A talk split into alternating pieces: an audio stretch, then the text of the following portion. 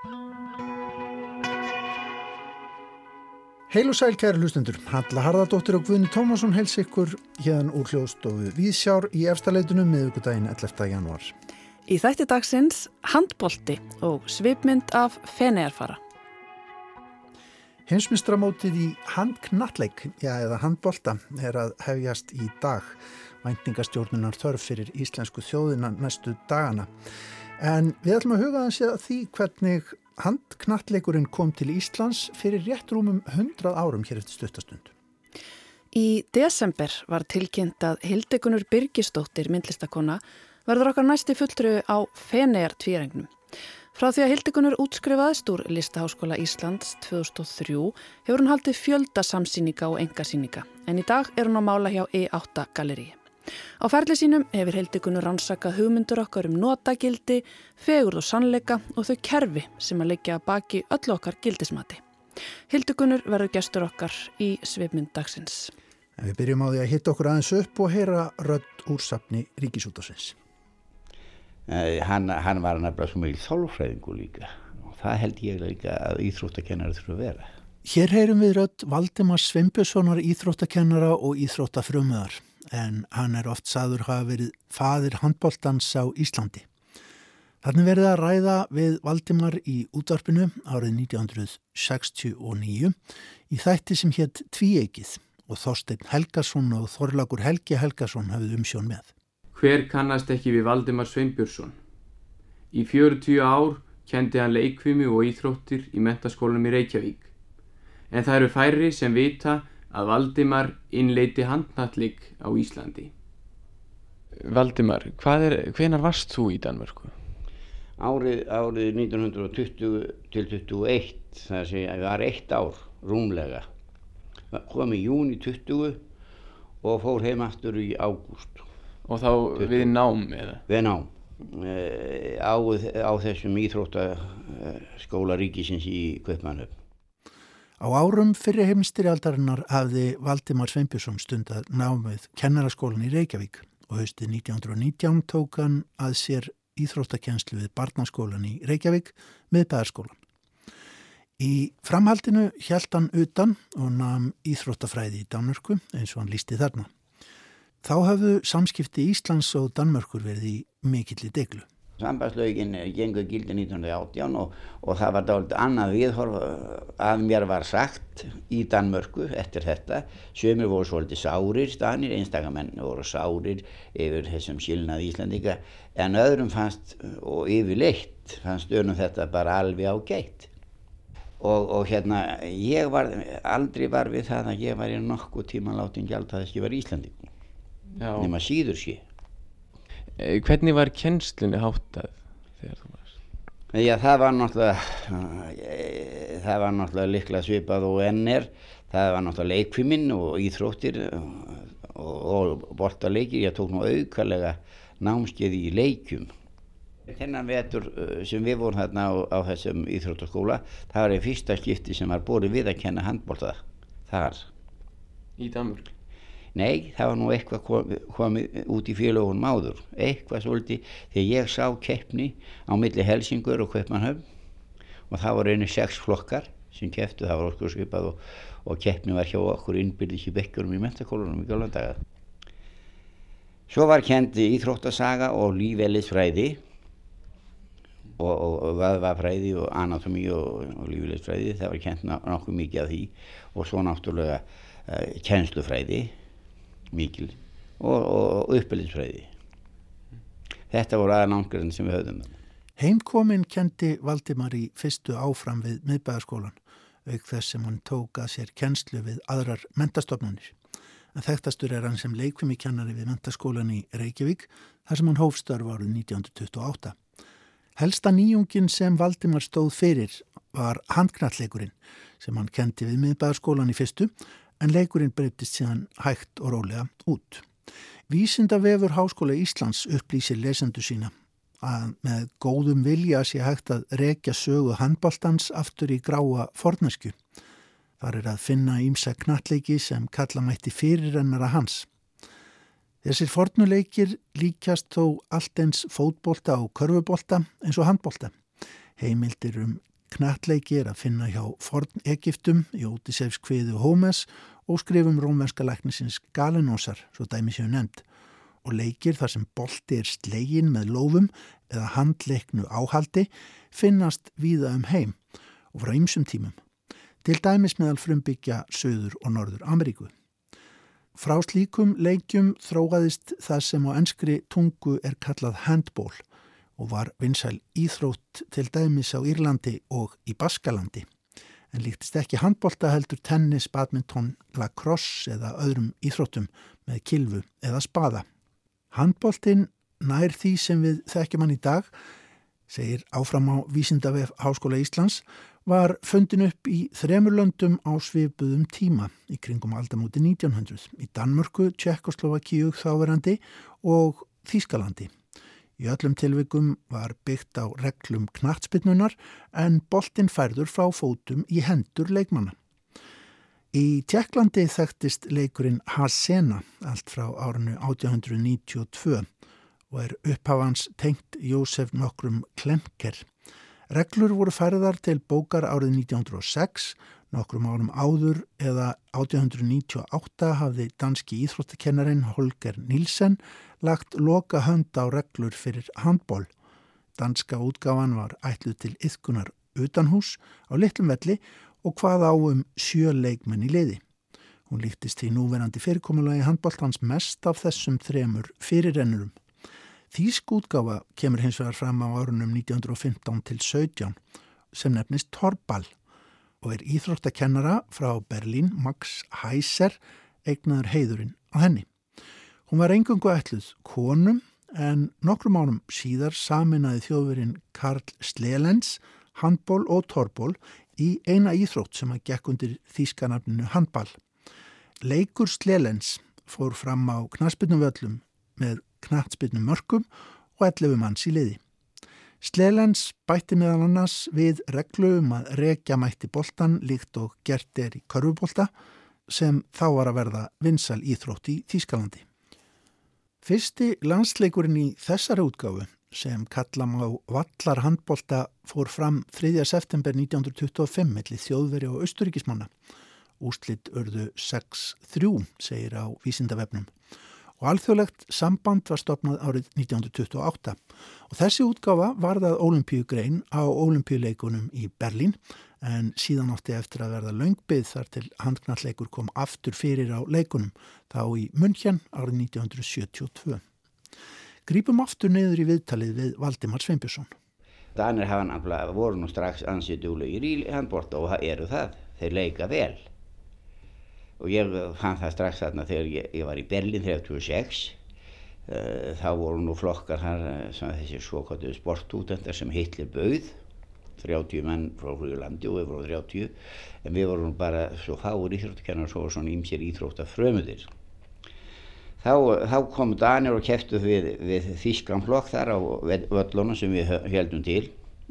Og Þískarinn fóru ákvæðu ítlum með Danir en mér fannst Danir til leika miklu betur og, og það, það var þetta ruttaleikur en danirnir, það voru stúdendar frá háskólanum í, í, í þeirra liði og, og þeir voru liprileik menn mjög og prúðir en, en gáð, nú auðvitað sín ekki mútið þessum uh, hardaleik mm. e, finnst þér ekki gaman að, að fylgjast með Íslendingum í handnallegnum og sjá að, bráðum, að við erum frambóðlegir á heimsmæli hvar það? Mér finnst mikið verið í það, mjög svo En það gliður mig ekki síður að, að ég veit að fleiri, vil týjur þúsunda ungra íslendinga æfa handknalleg sér til helsubútar og þroska. Saði Valdemar Sveinbjörnsson í viðtali árið 1969. Handknallegs samband Íslands var þá ekki nema tveggjára gamalt en þar á bæ miða húsræðandur við árið 1922 sem upphafs ár handbóltans á Íslandi. En þegar Valdimar Sveinbjörnsson var að reyna að kristna Íslandinga í leiknum á þriðja áratögnum voru ekki allir yfir sig hrifnir í fyrstu og lengi vel fjall bóðskapur hans um handknallegin í gríta jörð. Hafðu sumir ágjur á því að boltakastið myndi draga úr áhuga og leikfimi sem þá var mikið predikuð sem allar meina bót. Ef notast er við vefin góða tímarit.is kemur í ljós að fyrsta fæslan sem inniheldur orðið handknallegur er úr Íþróttablaðinu sumarinn 1925 Þar er greint frá leik á Íþróttamóti við Hafnarfjörð 28. júni sem Íþróttafélag Hafnarfjörðar held í samstarfi við Knattbyttumfélagin 17. júni og framsókn á smáhæð sunnan við Hafnarfjörð með góðu útsýni yfir bæin eins og segir þar. Þar var þreyttur handknalleikur, var það flokkur Karla og Kvenna er lekust á og þótti áhöröndu mjög gaman að horfa á leikin sem var vel auður, sérstaklega hjá stúlkunum. Gæti ég trúað að þessi handknalleikur ætti eftir að riðja sér mjög til rúms hér, engum hjá kvennþjóðinni. Valdimar Svimpusson, fimmleikakennari, hafði æft félögin í handknalleik þessum á námskeiði því sem haldi var í Hafnarfyrði um mánaðmótin mæ og júni er hann var kennari á. Tilvittnin líkur. Og það voru ekki síst íslenska konur sem tóku handknalleiknum opnum örmum. Líklegast var fyrsti ofnberi leikurinn háður tíu dögum áður en þessi leikur þarna í Hafnafyrði þann 17. júni 1928 norður á Akureyri og það ráttust við UMFA og KA sem þá var aðeins fimm mánuða gamalt félag. Ári áður 1927 rítar Valdimar Sveinbjörnsson í tímariti skinnfaksa og fer þá yfir reglurnar eins og þær voru á þessum upphafsárum handknallegsins þarna á þriði áratögnum. Við skulum rifja þar upp, ekki setna að vætna svona rétt fyrir mót. Þá er tekið aukakast og leikmaður hoppar upp og reynir að skora.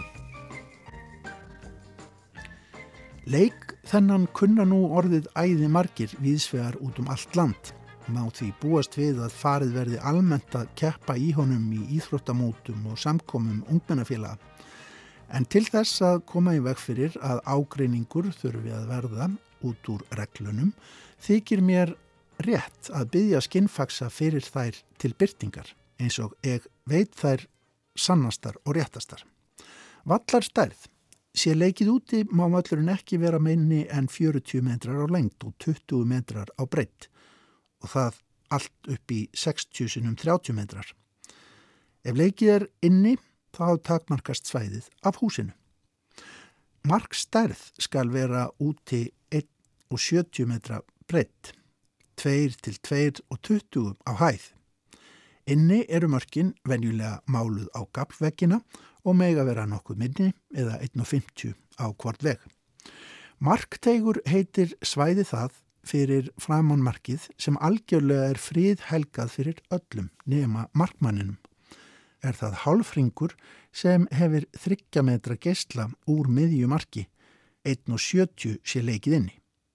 Vítismerki er 10 metra úr marki ef verið er úti, sé leikið inni þá á miðju gólfi. Leikendur mega vera 22 flestir, 11 í kóru liði og raða þeir sér upp á svipaðan hátt og í knatsbyrnu. Leikur hefst á þann hátt að dómarinn kastar knettinum á miðjanvöllin milli framherja flokkana. Leika þeir svo með knöttin líkt og í knatsbyrnu. Aðeins mega þeir ekki sparka heldur einungist nota hendurnar. Annars skilda eftirfarandi reglur fyrir leikin. Eitt, enginn má ganga meir en tvö skref með knöttin. Tvö, enginn má taka knöttin af móterja ef hann hefur á honum báðar hendur, en skildur er hver og einn til þess að kasta knettinum frá sér án tafar og hefur dómari heimil til að taka knöttin af þeim er standa lengi meðan og fá hann einhverjum mótærja. Þrjú, engin má sparka knettinum en heimilt er að stöðva hann bæði með höndum og fótum. Fjögur, engin má stíga inn fyrir markring nema markmaðurinn og gildir einu hvort með eða mótærji á hlut að máli. Fimm, engin má hrinda eða stjaka við keppinaut sínum. Ef þessar reglur eru brotnar, er þeim flokki er fyrir því verður, refsað á þann hátt að mótflokkurinn fær leifi til að láta einn sinn manna kasta knettinum á mark frá vítismarki og má þá engin verja nema markmaðurinn. Ef um litlar eða ógreinilegar sakir er að ræða, getur dómari láti næja að taka knöttin og kasta honum niður á þeim sama stað eða fá hann einhverjum þeirra er næstur stendur úr hinnu liðinu. Úr leik er knötturinn ef hann fer út af leiksvæðinu. Fari hann út af liðalínunum þá á mótari þess er seinast snerti hann að kasta honum inn á völlin aftur. En fari knötturinn út af endamörkum þá ber markmanni að kasta inn. En svo áður er getið er gangurinn í leiknum svipaður og í knatsbytnu. Samherjar kasta knettinum á milli sín og þokast um leið smátt og smátt að marki anstæðingana. Best þykir leikið ef leikandur komast alla leið upp að marktegi og kasta knettinum þar nokkru sínum á milli sín. Þar til markmaður er orðin rugglaður og getur ekki fylst með hvaðan knötturinn muni koma og gera þá mark. Annars ber að forðast högg og klunaleg köst en leggja sig vel eftir að tempra og reikna útkastið að knötturinn lendi nákvæmlega yfir mótarja en ekki það hátt eða látt að meðherji nái honum ekki. Leikur þessi gerir ekki síður en aðri leikir strángar kröfur til prúðmannlegar framkomu. Sé hann ruttalega leikin er hann lítilsverði en vel leikinn af ungum piltum og stúrkum getur hann verið indislegur á að horfa en það gefur hann ótaltækifæri til þess að æfa mýkt og liðleika í framkomu. Leiktími er venjulega halv klukkustund, fara þá fram markaskipti er leikið hefur verið í fjórðung stundar. Valdimar Sveinbjörnsson Og handknallegnum þá förum við yfir í myndlistina. Á miðugudögum fáum við til okkar góða gesti hér í Víðsjá og reynum að draga upp svipmynd af viðkomandi. Að þessu sinni er það myndlistakonan Hildegunur Birgisdóttir en tilkynnt varum það í desember að hún verður fulltrúi lands og þjóðar á Fenejar tvíaringnum 2024. Frá því að Hildegunur útskrifaðist úr Listaháskóla Íslands 2003 hefur hún haldið fjölda samsýninga og engasýninga en í dag er hún að mála hjá E8 galleríi. Hildegunur leið til okkar hljóðstofi morgun með sitt eigið kaffe á brúsa og nokkur vel valinlög. Hér er það fyrsta.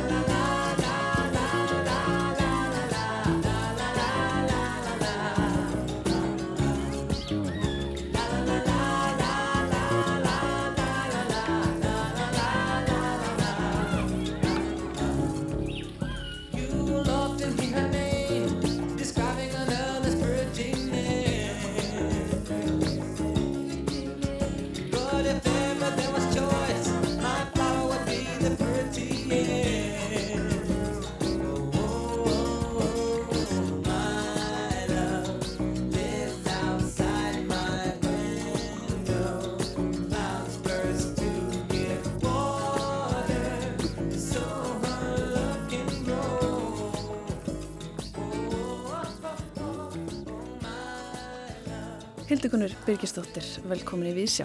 Takk. Stíði Vondir, fyrstur á fónin. Já, Segð okkur frá þessu lagi. Sko, þetta lag heitir vist Outside My Window, ég kalli þetta alltaf My Love Lives Outside My Window því það segir í textanum og þetta er af uh, plötu sem er raunverulega soundtrack sem að Stífa fengi til þess að gera fyrir My Secret Life of Plants sem var svona heimildarmynd já, heimildarmynd er kannski svolítið frjálsett, þetta er bara svona listaverk sem fjallar um plentur og þeirra líf. Og þetta er frekar gummul plata, ég man ekkert hvernig hún kemur út. Já, hana og hún er orðin svolítið eitt því ég hlusta svolítið mikið á hana. En það hafði rosa mikil áhrif á bara myndlistinu mína, þannig ákvaða að velja lög að því að hrein kvöl og pína að velja lög, að því að þau eru einhvern veginn svo tengt lífinum hans og sálinni og dansinum og svona hluti sem skipta máli í lífinu um, þannig ég valdi bara svona hlut, lög sem að hafði einhvern veginn hugvíkandi áhrif á mig og, og myndlistinu mína. Og um, ég var uh, og ég er mikil stífi kona þannig ég er mjög ánað að stífi komst gegnum þessa síu. En hérna ég var náttúrulega bara eins og margir hjælt að stífi myndi enda bara við I just called to say I love you þá væri sko þú veist þá er góðulögin búin. Og ég hef áhuga hlutum sem að þú veist fara, fara einhvern veginn ég hef áhuga fegurð og hvenar, hvenar eitthvað er fallegt. Þannig að ég fór bara aktít að hlusta á I just called og bara efni, já, bara efni eftir hérna, eftir að hann svona indi hérna, töff uh, punktið náð, þú veist, eftir að hann fer yfir í eitthvað sem að fólk var ekki að hlusta á þegar ég var ung, sko. Og hérna, og ég bara elskaði hérna nýjunda áratugin hjá hannum og bara ég, þú veist, hlustaði á bara á það mjög aktíft og þetta er eina af þeim blöðum og hún er bara dásamleg og þú veist það að hún sé, hún er mikið til sungin út frá sjónarhóttni plöntunar, mm. þú veist og það er bara, þú veist hugvikandi eitt og sér og hún varð síðan svona rosalega inspirasjón fyrir mig og hérna mikill innblástur fyrir mig og önnurhund okkur var búið að sína saman í Kling og Bang eitthvað ár, ég er í alveg ekki með tímaskun einhvern tíman gerðist það. Þá við síndum í Kling og Bang í februar og við vorum rosalega mikið að hugsa um bara sólina og sólaljósið því það er það sem að gerir í februar á Íslandi. Og við tókum það voru búið að byrja fyrir alltaf glugga í Klingabang til þess að búið til almennt síningar í mig við tókum það allt frá og hliftum dagsljósun inn. Og þessi bíómynd og þetta soundtrack var svona leiðarstefið okkar í, í mm. þessari síningu og síðan þá hefur þetta bara já þessi platta fyllt mér sko. Magna sko sjónarhort plöntunar á þessum tíma vegna þess að það er líka eitthvað sem við erum svo mikið að taka upp núna. Já, algjörlega. Ég veit að, já, þetta er, þú veist sko Stífi er svolítið magnar karakter, þú veist, hann hann, hann, hann sér svo mikið. Mm -hmm. hann bara já, ég, nein, þú veist, það var annar lag sem ég var næstu búin að velja, það var áður ég búin að taka þess að hörðu hérna myndlistarstefnu og það heitir Ribbons in the Sky með honum og það tala sko beint inn í svona me too hreyfinguna fyrir mig alltaf. Að þetta var sama tíma ég var að hlusta á það í sko svona um, öfgakent uh, tarnamanniska þannig ég hlusta á eitthvað eitt lag bara svona non-stop í kannski mánuð. Mm. og svo gleymi ég þessi til tömur árum síðar og ég bara þú veist já, svona gullfiskur, tarna, binging gullfiskur einhver. Hérna, en, en það eru svona sumi hluti sem eru alltaf með mér um, og hérna Stífi er einn af þeim. En hérna, já, þetta Ribbons in the Sky er svo ótrúlega fallið, þetta fjallar um ást einhverju tvekja manneskuna og hann er að lýsa ást sinni á þessari mannesku og hann segir í tekstanum já, á sama tíma var hérna Raggi að gera, Ragnar Kjartansson að gera verk um, um feðraveldið úti í bandaríkunum það sem hann tekur, það sem að hvern trúbatúrar syngja um, hérna í raun og veru gegn sírða feðraveldisteksta sem að hérna, gera alltaf ráð fyrir að menn grípi konur og gerir hvað sem þeir vilja við þær. Um, og í þessum texta segir uh, Can I please, and if I may, can I please touch your hand? And can I please once again? Þannig að sko byður um leifi fyrir að fá að snerta hönd einhvers. Mm -hmm. ég er bara svona það er eiginlega, það, það er sko sjúkla romantist og sjúkla sexy og þú veist bara samþyggi er töff. En, en segjum við eitt, svona, þegar þú ert á vinnustofinni, segjum kannski þú veist ekki alveg að ganga frá næstu síningu sem er að Mhm. skella á heldur ertu bara í einhvern millibis ástand og einhverjum Mhm. pröfunum og, og velta fyrir þér hinn og þessu, Mhm. prófa hluti. Ertu þá með músík í eirunum til þess að svona Sko, hjálpa þér áfram? ég nota músík þegar ég þarf að lesa. Þú veist, ég er hérna uh, ekki með mikla einbindingu en þegar ég les að þá hlusta ég á uh, Glass og hérna band sem heitir Einn og Jamaland. Þetta er tvær plötur. Ég, og sko eftir að hérna Víkingur heiðar út Glassworks eða þú veist, svo gott sem Glassworks. Já, Glass, hérna. Að þá, þá hérna datt Glassworks út og, og hann, hann kom inn. Um, en það er bara svona þessar tvær plötur sem ég sko virkilega bara nota eins og eitthvað verkfæri. Og það eru dásamlega báðar og bara, þú veist. Og það er það sem ég geri, en svo hlusta ég ofbúslega mikið á þögn, af því að um, ég er mjög virkur hlustandi, en þegar ég er að hlusta á tónlist þá get ég ekki verið að gera aðra hluti. Um, undatekningin á því er playlisti minn sem heitir Dans sem ég týn alltaf og þarf alltaf að gera búin í hann af því að þú veist, logga mig óvart út af Spotify eða vísa hvort með tætri virka eða eitthvað svona. En þú veist, það er alltaf svona einhver se- seasonal dans í gangi og, og ég set það á þegar ég er komin í vinnutörnin og það er bara rétt á þunni ég er að fara, það er að bresta á mig síningu og þá dansa ég rosalega mikið. Mhm. Þetta með fegurðina, Já. langar að grípa þannbólta eins og Wonder, þessi fallegu lögan, svo fórst að kafa hann í heilögin sem almennt þykja ekki falleg. Þetta er auðvitað eitthvað sem að þú ert alltaf að gera í myndlistinni líka. Skoða hluti sem að við tökum kannski ekki alltaf eftir í umhverfinu en svo kannski varpar þú ljósa á það og setur það í nýtt samingi og ferða svona skilgreina útlit þeirra á hlutverk upp á nýtt Mhm. og þar með fegurðina. Hvað er það við fegurðina og svona hvernig við hugsum um fegurðina?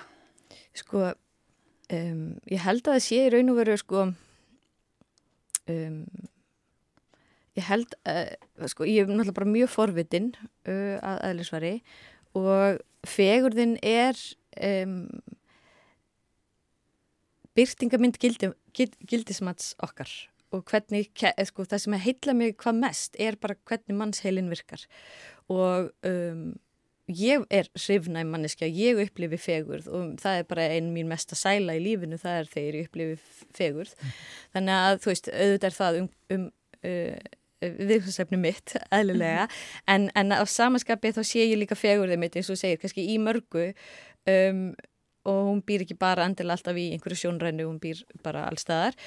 Um, en það sem að mér finnst svo áhugavert er bara þetta, þessi skali, þú veist, hven er eitthvað dettur inn á að vera fallegt og það er náttúrulega ná, náskilt bara gildismati, þú veist.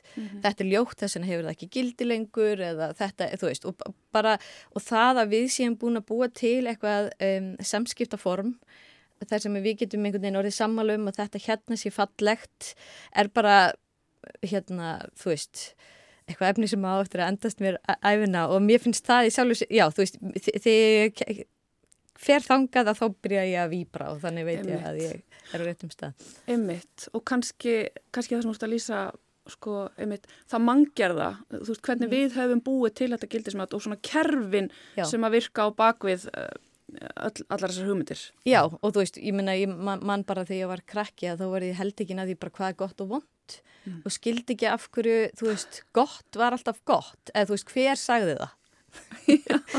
hver, þú veist, og, og, og ég hérna var skeptisk mannska, ég, ég trú, trúði á það góða, en svo fór ég að hugsa, byrju, hvernig getur það, þú veist, það er bara eitthvað fyrir mig, til þess að hugga mig, að, að, þú veist, og ég, ég, já, ég tók bara svona einhver, einhver skrefin í, í, í hérna, svartnættið og hugsaði bara, þú veist, hvernig, hvernig hérna, það að einhver fugg, þú veist, deyr út af því einhver, einhver, einhver andir borðaran, þú veist, af hverju er það, þú veist, vond og það er náttúrulega er ekkit vond, þú veist, eða, þú veist, það er bara einhver ringrás og rarara, en bara, þú veist, hvað við erum ofbáslega gegn sýrða á okkar eigin eðlilega, uh, hérna, skin, skinjun og okkar eigin gildismati og þú veist og þegar við komumst ekki þaðan en þegar ég verð sem spenntust er þegar ég, mér finnst ég hafa mögulega fengið einhverja insýn eða vika sjónarhóttni mitt og það er bara einhvern veginn það sem ég fæ út úr myndlist og fegurð og þú veist það er bara að, að ná einhverju nýju sjónarhóttni sem ég hef ekki, ekki náða áður. En varðandi þetta að búa til gildismat eða, eða já, fá kannski í vöggugjöf gildismat fyrir til dæmis fyrir bara eins og fegurð.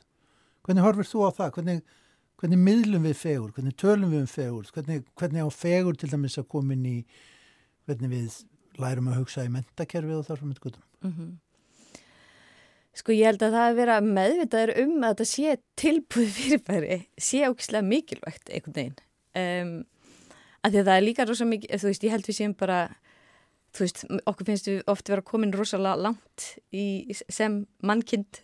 En mér finnst ég stundum vera í svo miklu miðöldum bara í hvernig við umkvengust hvert annað og bara umhverfið allt þetta að hérna ég held að bara aukin meðvitund um bara hversu um, smæð okkar og hversu hjákalleg við erum og heimáttarleg að ég held að allt svoleiðis sé, sé jákvæmt en, en fegur per sé er bara hluti af þessu spektrumi, heldar spektrumi þetta er bara eitthvað sem við erum um, uh, já, búin að búa til og, og, og ég held að fegur sé bara svona eins og einhver blettur sem er stöðut að færast, mm. þú veist, bara eftir því sem við þróskumst og hann mögulega stækkar og svo, svo ferðast hann einhvers tingað og fagurt fyrir mér er ekki það sama og fagurt fyrir einhverjum sem að býr í hinnum einn á nettinum, þú veist mm -hmm. og það er bara mjög eðlilegt en, en mér finnst það gaman og, og það er ekki einn fegur og þú veist, það er bara náttúrulega Það er kannski bara mikilvægt að evast Já, og bara vita, ég veit ekki, þekkja smæð sína. Já.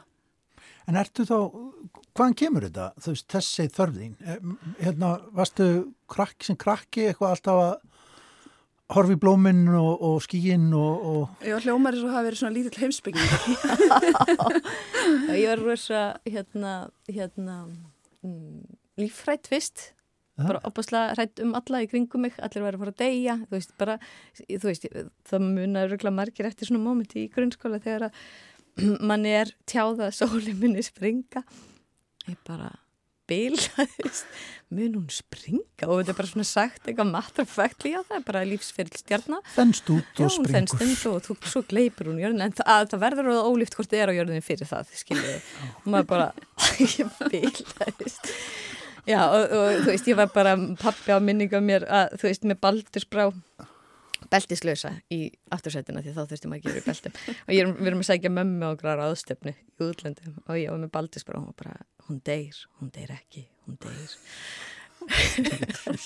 ég var áfáslega hrætt við döðan og vissi hversu endarlegt það væri og, og svo hef ég, þú veist, margóft sagt þess að sögu, en ég man bara eftir einhverju augnabliki, já, á svona nokkur augnablik sem krakki, það sem mm, verður svona einhver svona smá epifani, það sem ég átti mig á smæðminni ég bara horfi upp í stjórnunar og ég hafði mikið áhuga á stjórnunum og, og þú veist, fór í eðlisvæði í mentaskóla því, og þú veist, hafði áhugaði að mögulega fara í, í einhvers konar stjórnufræði um, en það var það ekki úr því en hérna, já, ég bara átta mig á hversu hjákalleg ég er, bara tilvist mín hvað ég er mikið óbúslega tilvílun þannig ég skipti einhver máli. Og þá verður baldursbráðan allt í einu óþörf að því að þú veist, þetta er bara allt eitthvað random ruggl, sko. Mm -hmm. Sko við þurfum að þess að heyri meiri músík. Já.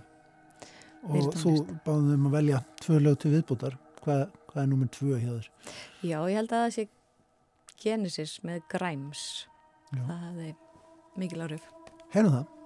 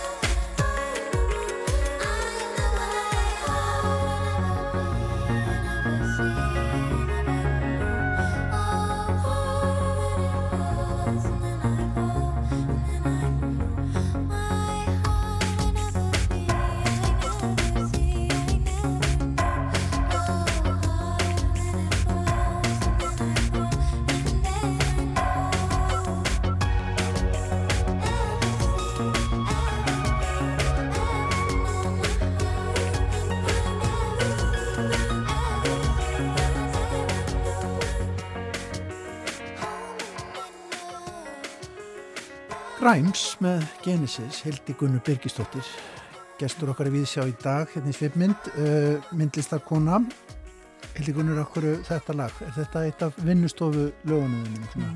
Nei, en þetta er eitt af þessum lögum sem að þú veist, ég hef dætt í törn með þessu lagi, ég átti, átti törn. Já. en ég var einmitt búin að gleyma því.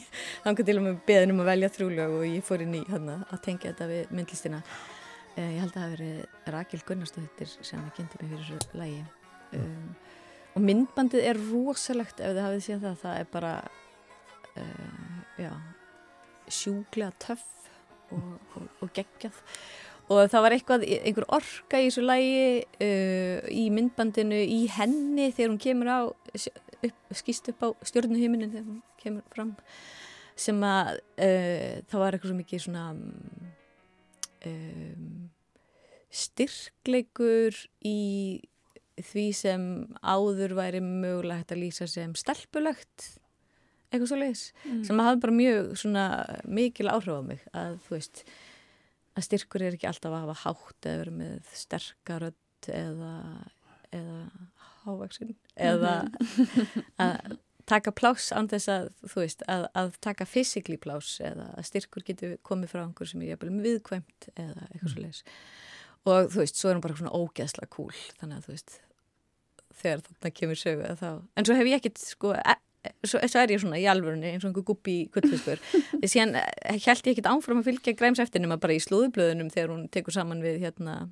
Elon Musk og, og það er ekki ekki spennandi. Og hún er áhugaverðu karakter per se. Þú veist, andis ég hafi kynnt mér hennar neitt sérstaklega en bara þessi plata þegar hún kom út þetta lag, þetta myndband þetta var eitthvað svona sem að hafi mikil áhrif á hérna, myndlistina á þeim tíma.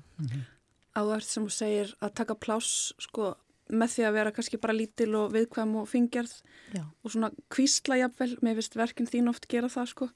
En mér langar alltaf að spyrja þig, var það eðlilegt skref fyrir það að fara úr eðlisfræðinni yfir í myndlistina?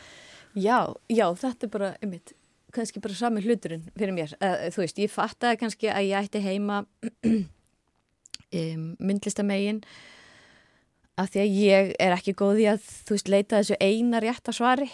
Það er hérna moment í, þú veist, ég hafði rosalega mikið áhuga á hulduefni þegar ég var í mentaskóla og, þú veist, skrifaði reytkjörðum það og þá, þá voru sko rannsóknir á því bara en þá svolítið mikið bara getgátu stígi, það eru bara tilkvæmlega hérna, vísbendingar, það er ekki búið að byggja hérna CERN uh, fyrirbærið og, og ég var bara svona, þú veist, með hérna Dark Bionic Matter á heilanum hérna einhvern tíma. Átti skrifur ég ger líka, það hjálpaði. Mm. og hérna um, ég, mér finnst það, það, það þetta moment í, í hérna vísindum mjög spennandi. Þegar að þú veist, getgátunar eru líginni líkari, þú veist, að því að við, við erum svo föst í okkar heila um hvernig að, þú veist, það var á þessum tíma var ennþá verið að leita þessari einu jöfnu sem átt að útskýra allan heiminn og allt þetta og þú veist, það er alltaf verið að leita einhver einu svari, svo kemur alltaf heimurinn okkur eitthvað svona ofbáslega og óvart, bara, ha, hvernig getur eind verið til á tömstöðum í einu? Eða, þú veist, þetta er bara, annarkort er hún eða er ekki og, veist, og það er bara meikar ekkert sens, og aftur, það, það, það ofinberar raun og veru okkar heimóttarlega sjónarhóttn þú veist, einhverju leiti, en svo, þú veist, má líka spyrja sig, er eitthvað annað en við, þú veist, e, e, fyrir, fyrir þá sem eru, eru, eru, eru duglega að vera í mómentinu mm -hmm. og í sjálfum sér. En, þú veist, fyrir mér er þetta svolítið svona sami hluturinn, en svo þegar vísindin eru búin að segja, já, en það er þingdarafl sem eru náttúrulega búin að taka tilbaka í dag eða það er til tími sem er líka búin að taka tilbaka. En þegar þetta fænat svar er komið og þá þú steir eitthvað innan mér að ég kann ekki að vera að leita þessu eina svari. Ég er alltaf bara í mist skemmtilega að vera hérna í gráa skíinu þar sem að maður er bara að velta fyrir sér hvernig gæti mögulega heimurum virkað. Mm -hmm. og hérna og ég held að það myndlistin hérna rúmar, rúmar þessa þetta gráa skí sko. Eru svona djúpar, eða er svona mikið leit að sannleika í verkuðinu? sko, þetta er alltaf það sem ég sko, ég er að tala um verkin mín uh, við svona vini, já, ekkert, ég tala ekki mikið um verkin áður en að vera til, þau bara, þú veist, mér finnst það pínu svona femnismál og ég er alltaf að reyna að æfa mig að vera betri í því mm. og ég skamta það stundum, þú veist, ég, nú verður að tala um þetta við einhvern, þú veist, en ég vil það helst ekki en ég er að reyna að verða betri manneskja og ég á svona nokkra vini sem ég tala um svona um fórstig verka. Og þú veist ég var eitthvað að lýsa því að ég ætlaði að fara, þú veist, að því nú er ég að fara í eitthvað stórt verkefni og ég var eitthvað svona, ég er að reyna að finna taktinn og, og þú veist, það gengur bara mjög vel. En, en allt í hennu þá er einhvern veginn e, þá er hérna, hvað heit þetta e, falsfréttir, er það ekki? Mm -hmm. e, er það ekki e, þarna, það sem að bensín eða strömps Jú. Já, það er falsfréttir á íslensku að sko falsfréttir er að fara að vera mjög mikil svona einhver grundvöldur allavega einhverja verkana, allavega núna þegar, á þessu vinslustígi en þú veist það muni aldrei neitt hafa aðgang að þú veist ég bara en það er alltaf eitthvað svona fundamental drast sem ég er að reyna að hérna, eða, sko. sem er allavega eitthvað bensín fyrir mig mm -hmm. og, og, og, og kemur mér á einhvern stað og ef mann langar þá er alveg að fara og finna hérna þessa hluti í verkunum mínum sko mm -hmm. En þú finnur líka hluti, ég menna þú ert mjög Já. mikið að vinna með fundna hluti og, og svona fjöldaframleita, kannski brotna, sundur ripna og setja þá í nýtt samingi og kannski í einhver rifrildi stundum mm -hmm. svona, í, í tómu, rými. Já. Já. Hva, hvað er það? Það er bara aftur þetta nákvæmlega, nákvæmlega þetta sama, þessi opbáslega fascinasjón af þessu ástandi sem við erum búin að koma okkur í, bara þessi mannshugur, hvernig að, þú veist, markvalda okkur, setja okkur saman í eitthvað samfélag og svo búum við til allan þennan óskapnað mm -hmm. og erum komin hinga þar sem við erum í dag og bara ég, það, það er bara eitthvað svona djúb, djúb ást á, á þessu ástandi sko og þessi rifrildi eru öll bara einhverjar hérna, manifestunir eða einhver, einhverjar sannanir á, á því og ég sé sannleik bara í þessum rifrildum mm -hmm. og að við getum speklað okkur í þeim skilur við, -hmm. bara já þetta segir okkur eitthvað um okkur að þetta, akkurat þetta hafi verið búið til mm -hmm.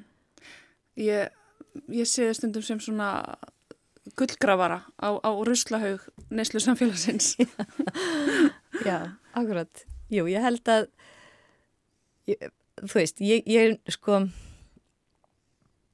já, mér, það er bara svo ofbáðslega mikill sannleikur sem liggur í þessum, hérna, mm -hmm. þessum efni við. -hmm. Sko, eitthvað, eitthvað svona, sem að mér finnst virkilega geta hérna, sagt okkur eitthvað nýtt eða ef við getum svona speklað okkur í og áttað okkur betur á okkur sjálfum og mögulega fleitt okkur eitthvað ánfram. Þegar þú talar um á sért komin með hugan við stórtu verkefni sem er framöndan, erum við þá að tala um FNR? Já, um þetta. Biennalin. Biennal. Biennali. Hvernig eh, tilfinning er það að vera að leiðina þarna, að fá allt í hennu tvö ár í næði til að vinna að stóri síningu? Það er bara... Svona síningu? Já, það er rosalega skemmtilegt. Ég hérna, er eitthvað fyrðu tilbúin í þetta verkefni. Bara mjög spennt, sko bráleg. En þá? það er svona tveir mánuður eða hvað, þrýr síðan þetta var tilkynnt að þú, já. nei já, eitthvað hann er, tveir kannski. Ertu langt komin í hugsanaferlinu? Já, ég fekk að vita þetta náttúrulega fyrir alveg fárlega lungu síðan, eða þannig, um, fyrðu lungu síðan. Þannig ég, einhvern veginn bara, ég þurfti ekki að fara að velta neina öðru fyrir mér. Ég, ég er til til að ný komin úr einhverjum, einhverjum vangaveltum og ég er bara einhvern veginn að fleita mér áfram úr þeim eins og svo sem ég vinn alltaf ég er rosalega þakklátt fyrir að hafa ekki þurft að búa til tillögu mm. það er, fer mér ekki sérstaklega vel að búa til tillögur um, þannig að ég er bara ógislega ánað að einhver hafi ég er mjög ánað pabbi, þólur ekki því nota ógislega mm -hmm. um, hérna sorry pabbi, sorry, pabbi. Um, mjög ánað með að hérna að að hafa bara verið valin og mig að bara halda ánfram að gera það sem ég ætla að gera án þess að það þurfa að vera mjög mikið flugvelda sjó. Mm. Ummitt, ég held að við þurfum svona bráðum að fara að ljúka þessu frábara spjalli, hildegunur, mm. en hérna að sjálfsögðu ætlum að taka smá sálfræði hernað og hérna dúndráðu þremur spurningum úr prúst spurningalistanum og leifaði svo að setja síðasta lagið á fónin. Mm -hmm. Guðni, viltu spyrja fyrstu spurningarinnar? Já, þetta er rosalega spurningar. Hvernig ég óskopunum velja þessar spurningar? Þetta er aftur spurningar já ég veit það en þetta er síðan bara hvart ettum maður inn í hann sko sem að skipti máli. Fyrsta spurningin er til dæmis bara rosalega hvað eða hver er stærsta ástun í lífiðinu wow shit torn between two lovers. Sko ég hef ég ætla að vona að börnum mér hlusti nú ekki á þetta. Um, sko hef... Slökkva þá bara núna? Já, eigu finn búið slökkviði. Uh, hérna, já, stóra ástin í lífu mínum kæristu minn kæristu ekki eins og blað. Djók. Um, uh, sko ég elskar náttúrulega bara hérna lífið og, og, og, og hérna, já bara lífið. Um, ég held ég verða að svara þessu á, á, á hérna einhvern svona hátt að uh, ég á vini sem eiga ekki börn og hafa stundum gengið í gegnum það bara hei, á ég ekki að fara að eignast börn? Og nú er ég að verða of gummul gammalt gammalt til þess að eignast börn. Og ég, og þau spurja mig og þú veist, að að það er það fallegast í heimi, það er að eignast börn. En ég, eins og við vorum að ræða er mér meðvituð um að við erum mjög skilirt með okkar uh, mannlega heila og ég veit að það eru hormónar sem að, þú veist, láta mig bara elska barnið mitt frá fæðingut svo ég sjá um þetta barn. Og í alvörunni finnst barnið mín það fallegast sem til er. En ég veit á sama tíma er ég meðvituð um að þetta er svona geðveila eða í raun og veru bara funksjón í heilanum. Um, þannig að um, börni mín eru að sjálfsögðu stærsta ástinn í lífið mínu en listin er það líka. Og þau, þau tróna þarna saman á topnum mm -hmm. Þetta var svo erfið spurning og svo flóki svar að við þurfum að breyta setnin tveimur í hraðaspurning Já, ok, kom það Mjög hrætt. Hvað hæfileika myndur helst vilja hafa? Sem ég er ekki með, sem sagt. Oh. Það gerir þetta aðeins erfiðar uh, Hæfileikin sem ég myndi um, það er að um, e, tala minna Gott svar Hver er þín dýrmætasta eign? Mm, um, Hilsson, hlýtur vera Bingo Emitt Hildigunnur Byrkistóttir, Feneiar Fari, myndlistakona, takk fyrir að vera með okkur. Takk. Hvaða lag ætlar að setja fónin í lókþáttar? Það er hann Daniel Johnston sem hafði mikil, mikil áhrif á mig. Ég fekk líka að sjá hann á tónleikum, annars er ég ekki mikil tónleikamannskja, en það var bílað að sjá hann í fríkirkjunni. Og um, lagið heitir Artist Growing Old. Já. fallegur titill uh, Hildi Gunnur, takk kærlega fyrir komuna í Víðsjá og vera með okkur þessa veikuna í Sveipmynd og á þessum nótum hennar Hildi Gunnar Birgisdóttur við að enda þáttin í dag Já, heyrum Daniel Jónsson í lokin Takk fyrir, verið sæl Verið sæl Listen up and I'll tell a story About an artist growing old Some would try for fame and glory others aren't so bold. Everyone and friends and family saying, hey, get a job. Why do you only do that only? Why are you so odd?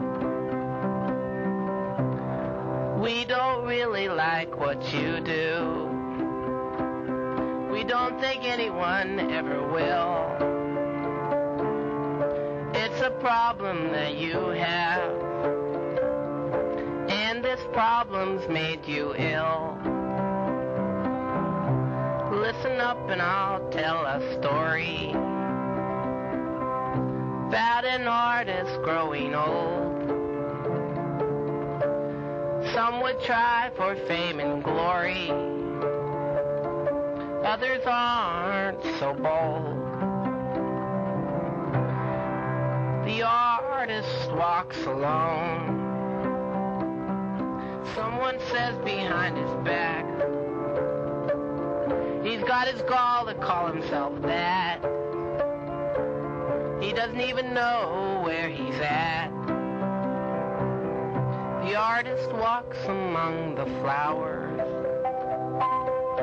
appreciating the sun. He does this all his waking hours. But is it really so wrong? They sit in front of their TVs, saying, hey, this is fun. And they laugh at the artist, saying he doesn't know how to have fun. The best things in life are truly free. singing birds and laughing bees. Got me wrong, says he. The sun don't shine in your TV. Listen up and I'll tell a story